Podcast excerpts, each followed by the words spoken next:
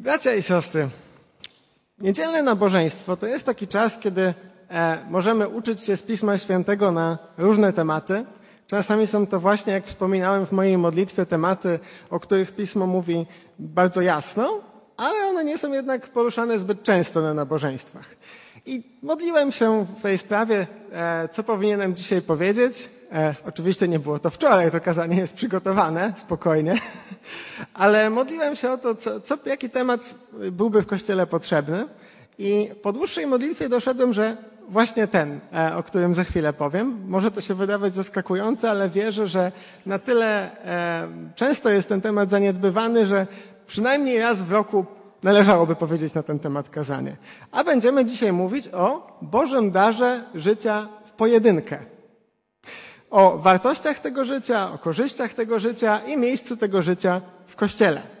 I przez życie w pojedynkę rozumiem tutaj takie życie, które prowadzą chrześcijanin czy chrześcijanka, którzy nie znajdują się w związku małżeńskim albo też w jakimkolwiek innym związku, który prowadzi w kierunku małżeństwa.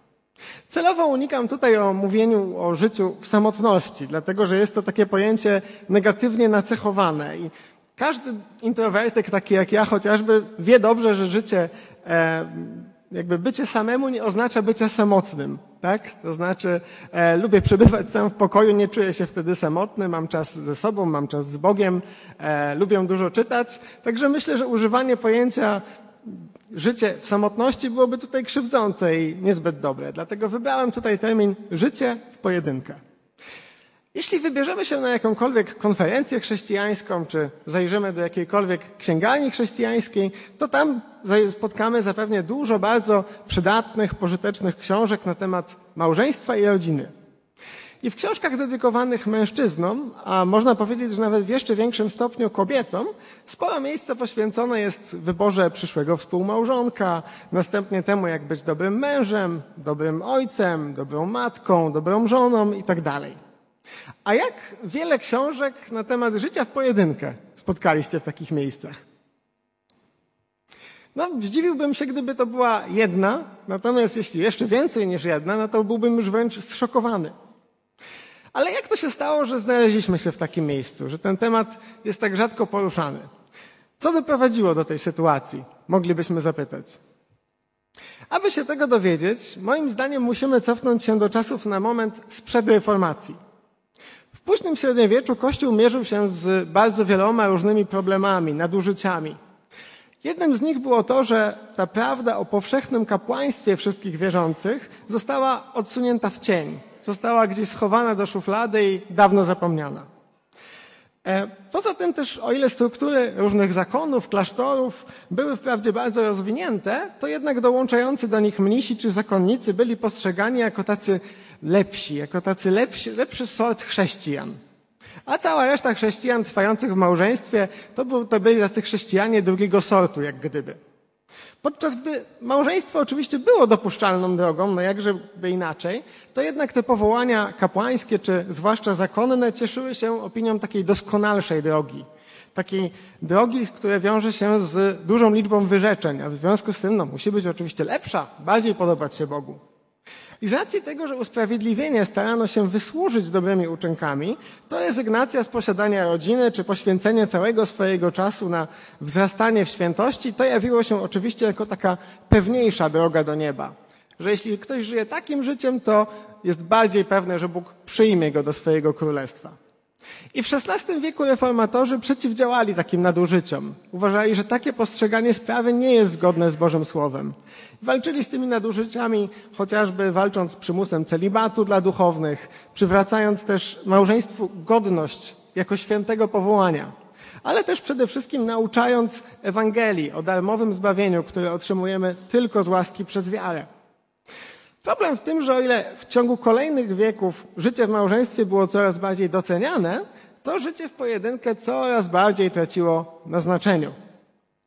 I tak jak w kościele przed reformacją mm, przeciętna osoba żyjąca w małżeństwie czuła się nieco gorsza, że nie zdołała pozostać sama, to myślę, że w typowym ewangelikalnym współczesnym kościele osoba żyjąca w pojedynkę czuje się gorsza, że jej nie udało się z kimś związać. I chcąc naprawić ten błąd, trzeba przyznać bardzo poważny błąd, stawiania mm, tego życia w pojedynkę ponad życiem w małżeństwie, zbliżyliśmy się, można powiedzieć, do takiej drugiej skrajności, wywyższając życie w małżeństwie ponad życie w pojedynkę. Niejako znów dzieląc chrześcijan na lepszych i gorszych. I teraz pewnie straciłem już uwagę małżeństw, bo małżeństwo pewnie stwierdziły, e, no to już nie jest ona skazanie, to można myśleć sobie o obiedzie. E, ale nie, słuchajcie, bardzo proszę, abyśmy wszyscy słuchali. To jest kazanie skierowane do wszystkich, dlatego że myślę, że wszyscy możemy się bardzo wiele z tego nauczyć. Mm, właśnie niezależnie od tego, w jakim stanie się znajdujemy, czy jesteśmy w małżeństwach, jesteśmy, żyjemy w pojedynkę, czy jakkolwiek by to nie wyglądało. Wspólnie postaramy się spojrzeć z biblijnej perspektywy na ten problem i wyprowadzić takie trzy wnioski, które myślę, że e, będą dla nas przydatne i to mówię o nas wszystkich. W pierwszej kolejności, niejako kładąc fundament pod nasze dalsze rozważanie, chciałbym pokazać, że życie w małżeństwie oraz życie w pojedynkę to dwa różne, ale równe dary.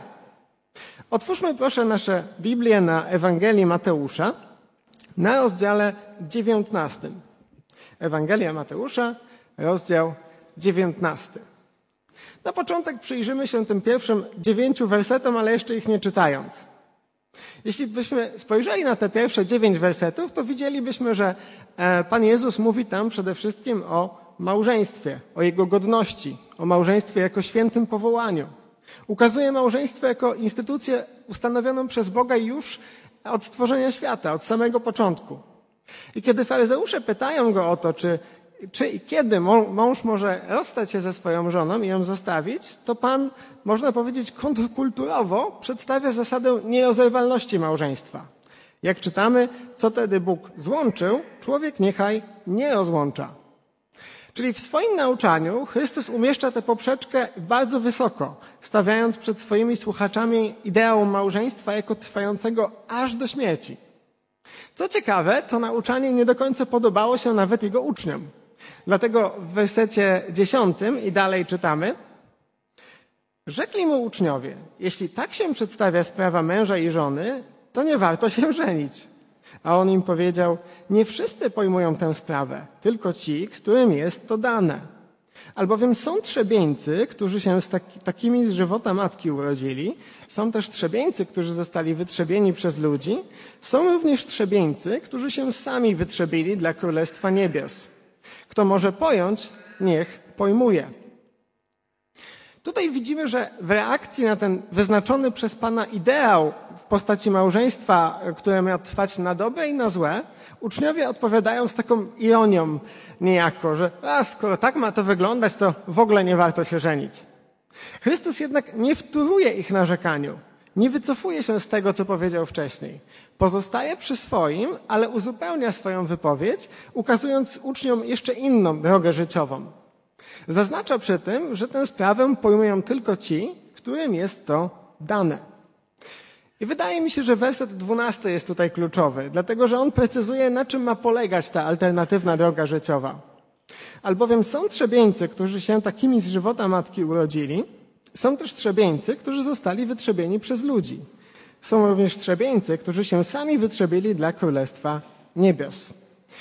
I tutaj, zależnie od naszego przekładu, z którego korzystamy, spotykamy się z takimi terminami jak eunuchowie, trzebieńcy, albo też bardziej opisowo niezdolni czy też niezdatni do małżeństwa. I kiedy mowa o tych trzebieńcach, to Chrystus nawiązuje, czyni taką aluzję do znanej wtedy w ówczesnych czasach praktyki, która no, z perspektywy dzisiejszych czasów może się wydawać jest bardzo okrutna, a konkretnie praktyki kastrowania mężczyzn, którzy mieli być opiekunami kobiet w królewskich haremach. Żeby przytoczyć taki jeden przykład, to chociażby w ósmym rozdziale dziejów apostolskich mamy pewnego eunucha, który był dworzaninem królowej Etiopii Kandake a później został ochrzczony przez diakona Filipa. Ale jak widzimy w tym wersecie 12, Chrystus wymienia aż trzy grupy osób niezdolnych do małżeństwa. Przypadku drugiej grupy, do której należą ci, którzy zostali wytrzebieni przez ludzi, to ta sytuacja wydaje się bardzo jasna, najprostsza. To są po prostu ci eunuchowie, o których mówiłem w takim najbardziej dosłownym sensie. Ale w przypadku pozostałych grup, czyli tej pierwszej grupy i drugiej grupy sytuacja jest nieco inna. Jak wiemy, Pan Jezus miał taką tendencję do przemawiania w bardzo obrazowy sposób, żeby słuchacze bardzo zapamiętali te wszystkie rzeczy, które mówił, ale też, żeby wyły się one w pamięć i żeby słuchacze widzieli, jak bardzo są istotne. Przykładowo w kazaniu na górze Chrystus odwołuje się do takiego bardzo mocnego obrazu, jakim jest odcięcie sobie ręki, która nas skłania do grzechu, albo też wyłupanie sobie oka, jeśli ono skłania nas do grzechu. No i oczywiście tych fragmentów nie trzeba rozumieć dosłownie. I myślę, że również tutaj jest podobnie. Także chodzi, myślę, tutaj nie tyle o eunuchów jako takich, co bardziej o mm, pewną ogólną niezdolność do małżeństwa.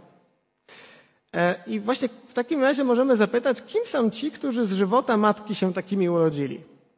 Myślę, że chodzi tu najprawdopodobniej o osoby niezdolne do małżeństwa z przyczyn biologicznych albo też e, psychologicznych, to znaczy urodzonych bez pewnych organów płciowych, albo też o osoby aseksualne, czyli zupełnie nie odczuwające od urodzenia żadnego pociągu seksualnego. Ale to nie koniec, dlatego że mamy tutaj tę trzecią grupę, która wydaje się dla nas najbardziej istotna. To znaczy są ci, którzy wytrzebili się sami dla Królestwa Niebios. Czyli Chrystus, innymi słowy, przewiduje, że wśród chrześcijan później będą takie osoby, które same będą chciały dobrowolnie zrezygnować z małżeństwa i posiadania rodziny, aby całkowicie poświęcić się dobru Królestwa Bożego. Dzięki temu tekstowi widzimy, że Pan Jezus nie poniża, ale nobilituje osoby żyjące w pojedynkę. Jeśli tylko z oddaniem te osoby służą Bożej sprawie. Ich życie wtedy jest dokładnie tak samo wartościowe jak życie małżonków. No dobrze, ale trzeba przyznać, że ten tekst, e, te słowa Pana Jezusa są dość lakoniczne, nie są jakieś bardzo długie, a w związku z tym przejdźmy do drugiego tekstu, który mówi na ten sam temat i który dokładnie opisuje to zagadnienie. Zwróćmy się do pierwszego listu apostoła Pawła do Koryntian. Dokładniej do rozdziału siódmego. Pierwszy list do Koryntian, rozdział siódmy, a będę czytał wersety od siódmego i dalej. A wolałbym, aby wszyscy ludzie byli tacy jak ja, lecz każdy ma własny dar łaski od Boga. Jeden taki, a drugi inny. A mówią tym, którzy nie wstąpili w związki małżeńskie oraz wdowom, dobrze zrobią, jeśli pozostaną w tym stanie, w jakim ja jestem. Jeśli jednak nie mogą zachować wstrzemięźliwości, niechaj wstępują w stan małżeński, albowiem lepiej jest wstąpić w stan małżeński niż gorzec. O czym pisze tutaj Paweł? W wersecie siódmym wyraża takie życzenie, e, aby wszyscy ludzie byli tacy jak on, to znaczy mieli tę zdolność do życia w pojedynkę. I tutaj bibliści nie są pewni, co prawda, czy apostoł Paweł był wdowcem, czyli już stracił swoją żonę wcześniej, czy też obrał sobie taki styl życia w pojedynkę od samego początku. Ale pewne jest, że kiedy Paweł był chrześcijaninem, kiedy już się nawrócił na drodze do Damaszku, e, to już nie był żonaty, nie miał już wtedy żony. Paweł wie, że jest niemożliwym, aby to jego życzenie się spełniło, dlatego że jak sam stwierdza, każdy ma własny dar łaski od Boga. Jeden taki, a drugi inny. Czyli krótko mówiąc, Bóg obdarza swoje dzieci dwoma rodzajami darów łaski. Podczas gdy jedni otrzymują dar zdolności do życia w małżeństwie, drudzy otrzymują dar zdolności do życia w pojedynkę. I oba te dary nie pochodzą od nich samych, ale są Bożego pochodzenia. To Bóg obdarowuje ludzi tymi darami, powołuje ich do jednego albo też do drugiego stanu. I tu myślę, że warto bardzo mocno podkreślić, że żaden z tych darów nie jest lepszy albo gorszy od drugiego. Gdyby życie w pojedynkę było czymś, czego należy się wstydzić, obawiać, to w wersecie ósmym Paweł nie poleciłby przecież osobom stanu wolnego oraz wdowom, że dobrze zrobią, jeśli pozostaną w takim stanie jak on. Wręcz przeciwnie. W oczach apostoła Pawła można powiedzieć, że jest to pewien specjalny rodzaj powołania, który trzeba rozeznać, badając swoje serce. Właśnie dlatego apostoł Paweł zastrzega w wersecie dziewiątym z kolei, że życie w pojedynkę jest dla tych, którzy są w stanie zachować wstrzemięźliwość.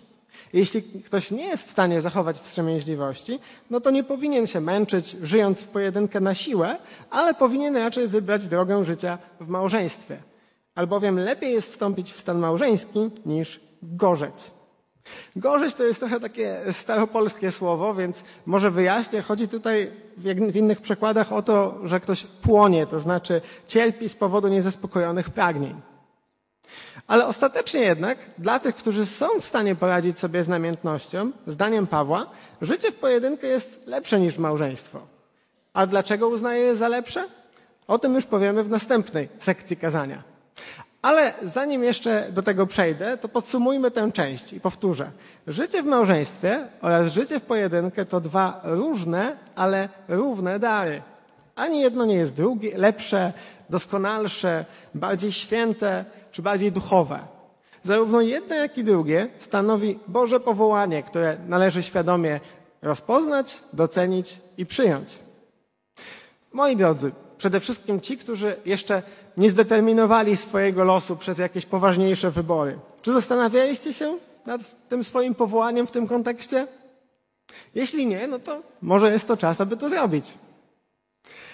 W drugiej części mojego kazania chciałbym przedstawić powody, dla których raz na zawsze powinniśmy pozbyć się takiego przekonania, które niestety czasami pokutuje w naszych zborach, a które utożsamia życie w pojedynkę z takim życiem przegranym.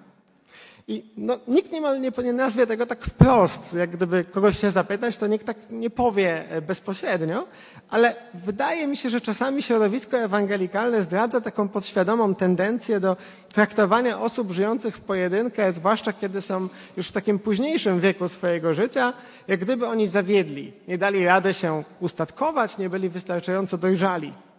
No i myślę, że jest to perspektywa nie tylko bardzo krzywdząca, ale też zupełnie obca apostolskiemu Kościołowi, który wierzył, że ci, których Bóg obdarzył tym darem celibatu, to mają satysfakcjonujące relacje, są wolni od ograniczeń i też są w stanie poświęcić Panu każdą wolną chwilę.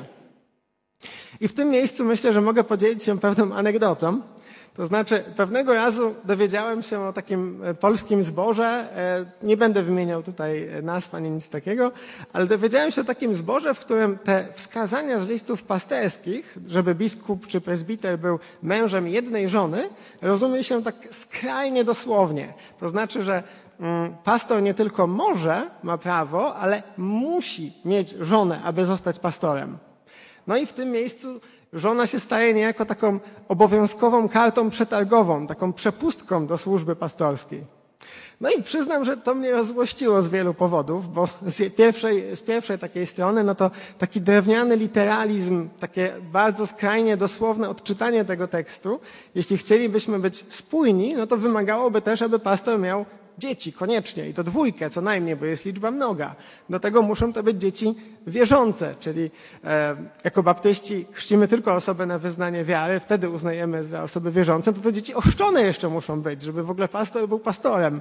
To nie wiem, ile, ilu pastorów w naszym kościele by spełniało w ogóle takie wymagania. Są bardzo wygórowane.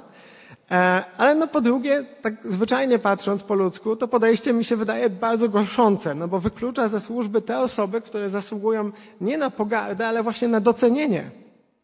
No i w końcu też zadziwia mnie, że niektóre zbory starają się być tak bardzo biblijne, oczywiście w cudzysłowie, że nawet w tych zborach nie mógłby być pastorem sam apostoł Paweł. No już o Panu Jezusie nie wspominając.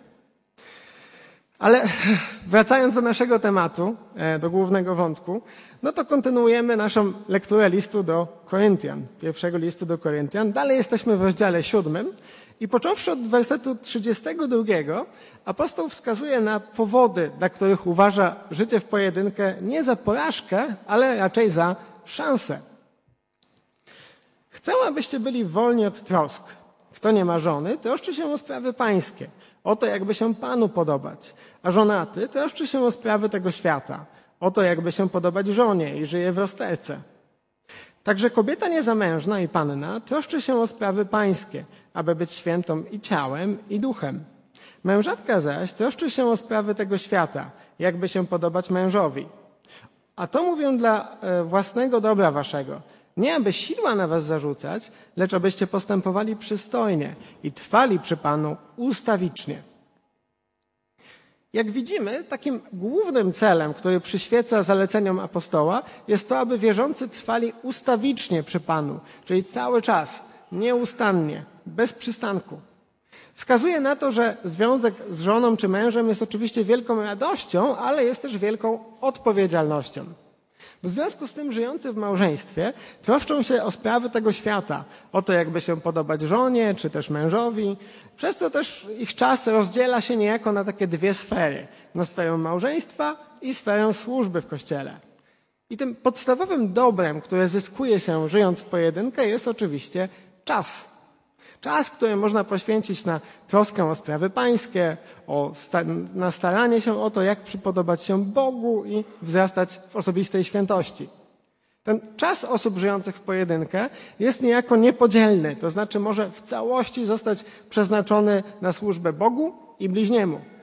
I co ważne i myślę najbardziej istotne w takich ekstremalnych sytuacjach, to mm, to, że przykładowo w czasie misji ewangelizacyjnej, jakiejś takiej niebezpiecznej, w krajach chociażby, gdzie chrześcijanie są prześladowani i nieakceptowani, no to tam życie w pojedynkę wydaje się być wręcz uprzywilejowane. No z tego powodu chociażby, że łatwiej jest ryzykować wyłącznie własnym życiem, niż życiem zarówno własnym, jak i swojej żony, jak i swoich dzieci. Na szali wtedy jest znacznie więcej. Znacznie więcej trzeba poświęcić.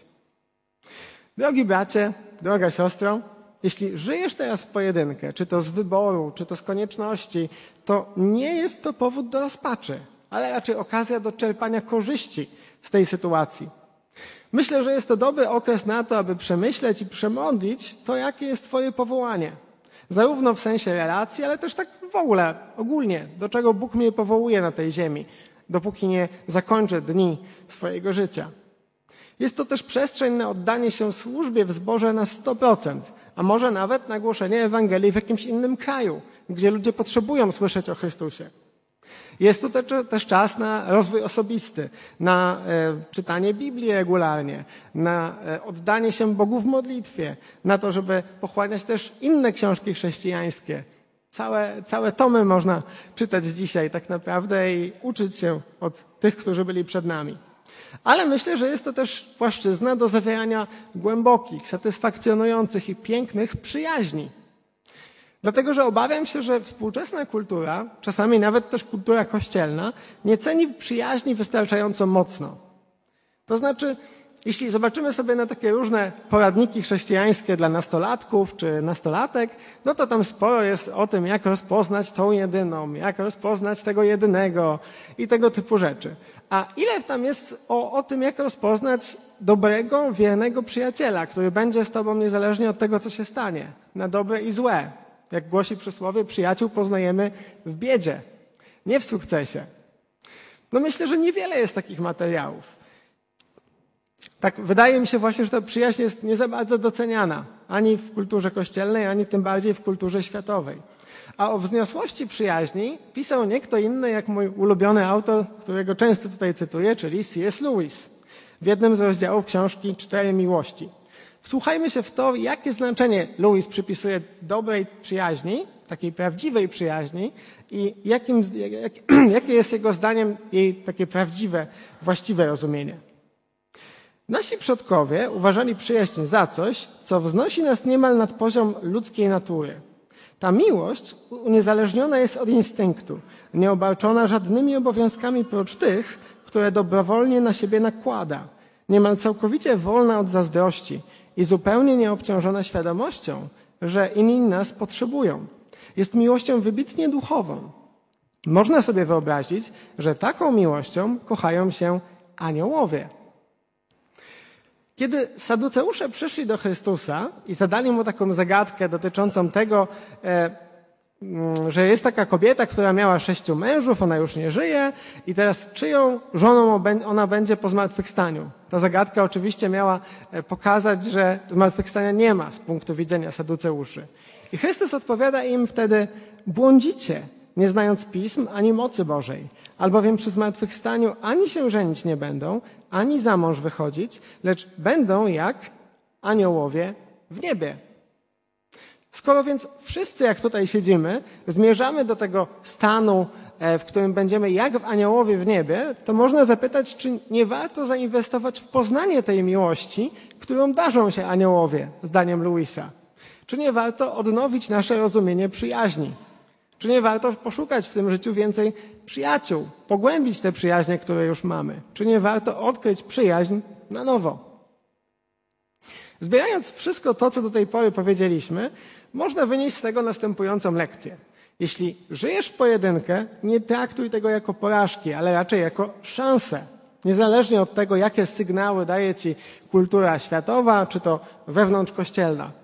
Ci, których Bóg obdarzył tym darem celibatu, mogą służyć Bogu na wzór aniołów w niebie, jak powiedział Chrystus, antycypując, jakby wyprzedzając ten stan nas wszystkich, żyjąc w przyjaźni, bez żadnych ograniczeń i poświęcając cały swój czas dla Królestwa Bożego. Ale uwaga, tutaj pobudka dla małżeństw znów. E, tym razem ta część będzie przeznaczona zwłaszcza dla osób, e, które już wiedzą, że no nie są powołane do życia w pojedynkę.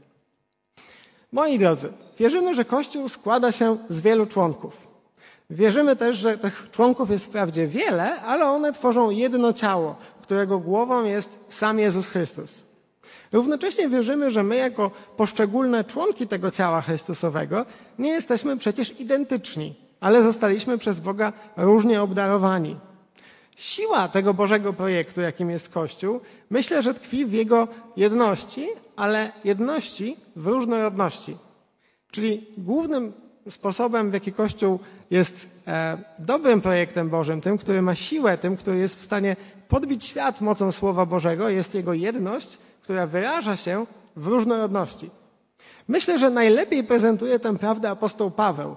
Znów w pierwszym liście do Koryntian, ale tym razem w dwunastym rozdziale. Będę czytał wersety od czwartego i dalej.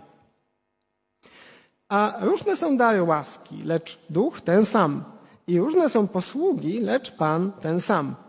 I różne są sposoby działania, lecz ten sam Bóg, który sprawia wszystko we wszystkich. A w każdym różnie przejawia się duch ku wspólnemu pożytkowi. Jeden bowiem otrzymuje przez ducha mowę mądrości, drugi przez tego samego ducha mowę wiedzy, inny wiarę w tym samym duchu, inny dar uzdrawiania w tym samym duchu, jeszcze inny dar czynienia cudów, inny dar proroctwa, inny dar rozróżniania duchów, inny różne rodzaje języków, inny wreszcie dar wykładania języków. Wszystko to zaś sprawia jeden i ten sam duch, rozdzielając każdemu poszczególnie, jak chce. Gdyby ktoś z nas miał streścić teraz, o czym był ten fragment, to myślę, że większość z nas powiedziałaby, że był to fragment o charyzmatach, czyli o darach łaski, które Bóg daje chrześcijanom. I apostoł wskazał, że choć chrześcijanie obdarzeni są różnymi charyzmatami, to są jednak jednością, dlatego że łączy ich ten sam duch, który spaja ich w jedno ciało. Mogą więc się wzajemnie kochać, darzyć e, też pomocą, dlatego że służą jednemu Panu. I wiecie, gdzie ten termin dar łaski, czy też charyzmat został jeszcze użyty przez Pawła w tym liście? Poza tym miejscem? W tym fragmencie, który znamy, czyli w tym fragmencie z siódmego rozdziału, w którym mówi, że każdy ma własny dar łaski od Boga. Jeden taki, a drugi inny. I tutaj przypominam, że w tamtym kontekście apostoł odnosił się z jednej strony do charyzmatu życia w małżeństwie, a z drugiej strony do charyzmatu życia w pojedynkę. Czyli jak widzimy, to wezwanie do jedności z 12 rozdziału ma zastosowanie nie tylko w przypadku różnorodności tych nadnaturalnych, cudownych darów, ale też w sytuacji, kiedy Duch powołuje nas do różnorodnych stylów życia, do życia w małżeństwie i życia w pojedynkę. Czyli koniec końców, jak czytamy, w każdym różnie przejawia się duch ku wspólnemu pożytkowi, a wszystko to sprawia jeden i ten sam duch, rozdzielając każdemu poszczególnie, jak chce. Również te dary, o których dzisiaj mówiłem. I fakt, że ktoś powołany jest do życia w pojedynkę, nie oznacza, że jest powołany do życia bez wspólnoty, zwłaszcza wspólnoty Kościoła. Wręcz przeciwnie. Tym bardziej taka osoba potrzebuje wspólnoty, potrzebuje społeczności. Jeśli więc żyjesz w małżeństwie, to nie traktuj protekcjonalnie tych, których powołanie jest inne niż Twoje. Nigdy nie przyczyniaj się do ich wyobcowania, wyalienowania, ale zawsze włączaj ich do społeczności. Ale to nie wszystko. Nie ustawiaj ich życia po swojemu, tak aby spełniali Twoją wizję tego, jak powinno wyglądać życie chrześcijańskie, ale Bożą. Nie szukaj im, mówiąc żartobliwie, na siłę panny czy kawalera, żeby się w końcu ustatkowali. Nie baw się w swatkę, ale doceń ich indywidualny charakter, ich pasję, ich służbę dla Chrystusa. W Bożych oczach ich wartość nie zasadza się na tym, czy mają męża, żonę, narzeczonego, narzeczoną, etc., ale na tym, że mają swoją wartość w Chrystusie, w tym, że to On ukochał ich, oddał ich, za nich swoje życie i ma plan dla ich życia z takim darem czy innym. W Kościele jest miejsce dla wszystkich, jak czytaliśmy teraz przed chwilą w 12 rozdziale pierwszego listu do Koryntian.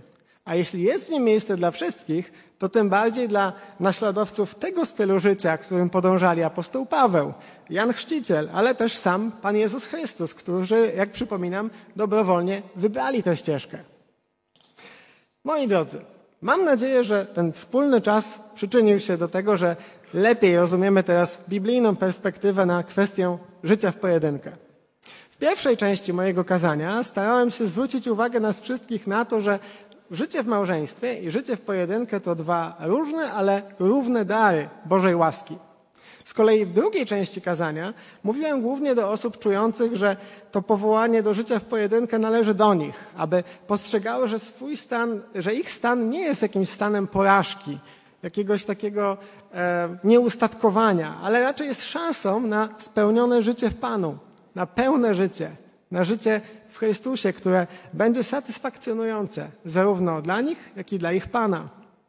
W końcu w trzeciej części mojego kazania skierowałem się do osób żyjących w małżeństwie, aby przyjęły osoby o odmiennym od nich powołaniu w sposób pełen miłości. Przyjęły te osoby takimi, jakie są, bez jakiejś takiej protekcjonalności, ale doceniając ich osobowość, ich zainteresowania, ich zaangażowanie w życie Kościoła.